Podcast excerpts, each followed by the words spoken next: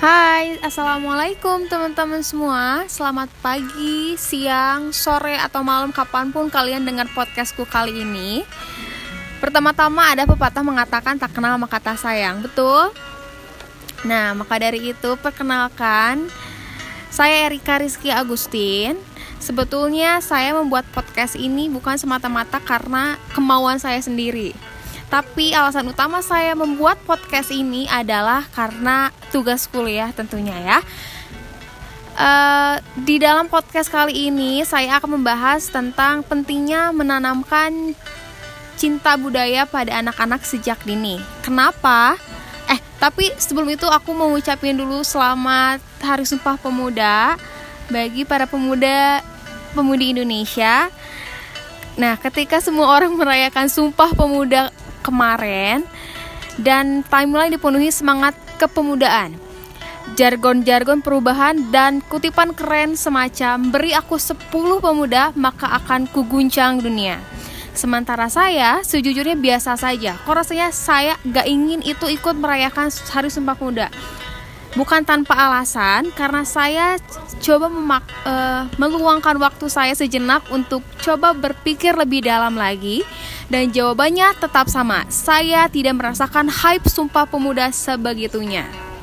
Kenapa? Mungkin Sumpah Pemuda sudah tidak terasa revelansinya buat kita generasi-generasi millennials. Millennials Mungkin ya.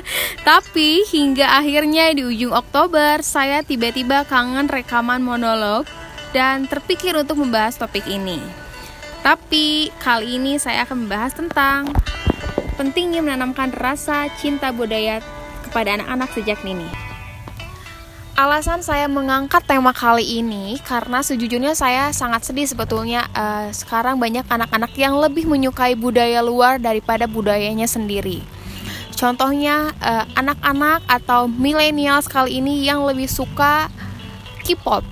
Mulai dari cara berpakaian mereka, cara bahasa, cara apa pun yang mereka lakukan, maksudnya idola mereka lakukan pasti mereka lakukan.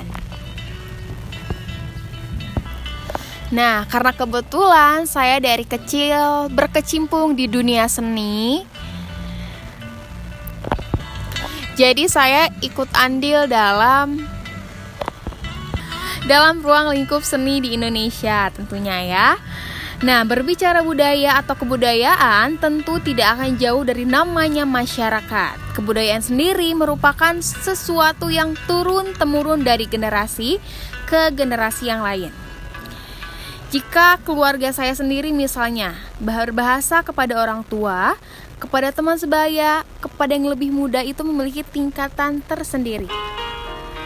Jadi misalnya kalau sama orang tua bahasanya harus memakai bahasa Sunda halus misalnya. Sama teman sebaya memakai bahasa pertemanan yang memang layak untuk dibicarakan dan lain sebagainya juga. Pengenalan budaya pada bangsa itu sebetulnya dapat dikenalkan pada e, pada anak lewat nilai terkecil yang ada di dalam keluarga.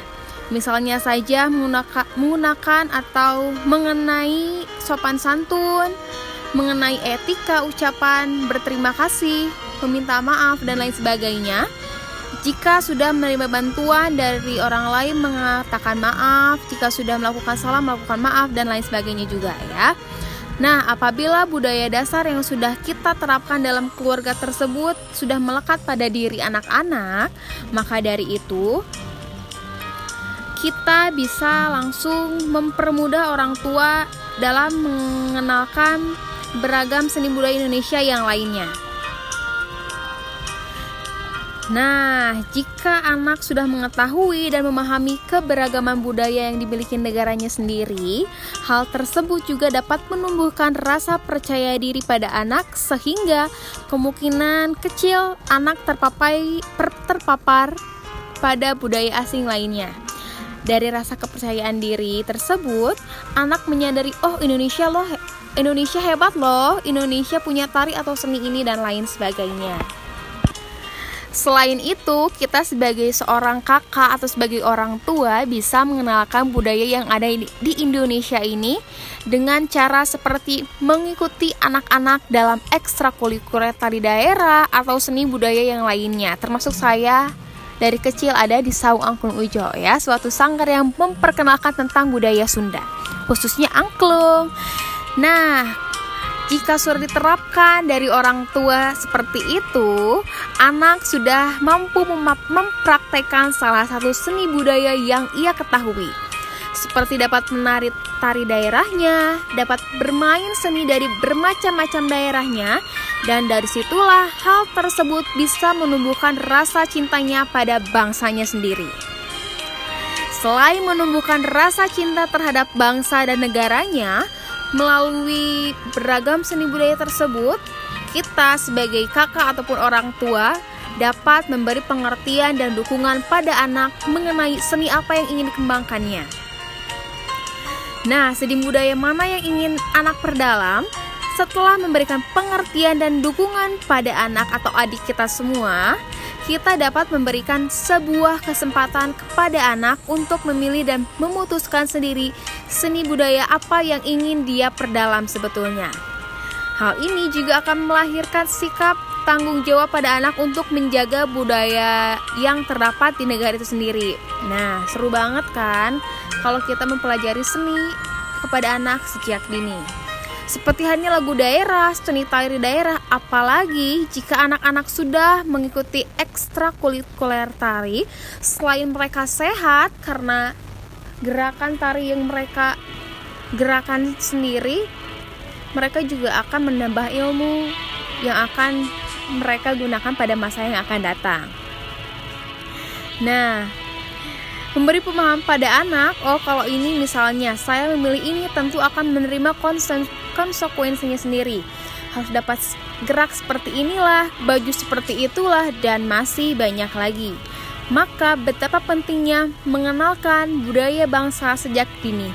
Karena generasi bangsa adalah pewaris negeri, lalu betapa penting bukan mengenalkan budaya sejak dini Nah, teman-teman semua, maaf kalau pada podcast kali ini saya agak belepotan, namanya juga masih belajar, apalagi podcast pertama.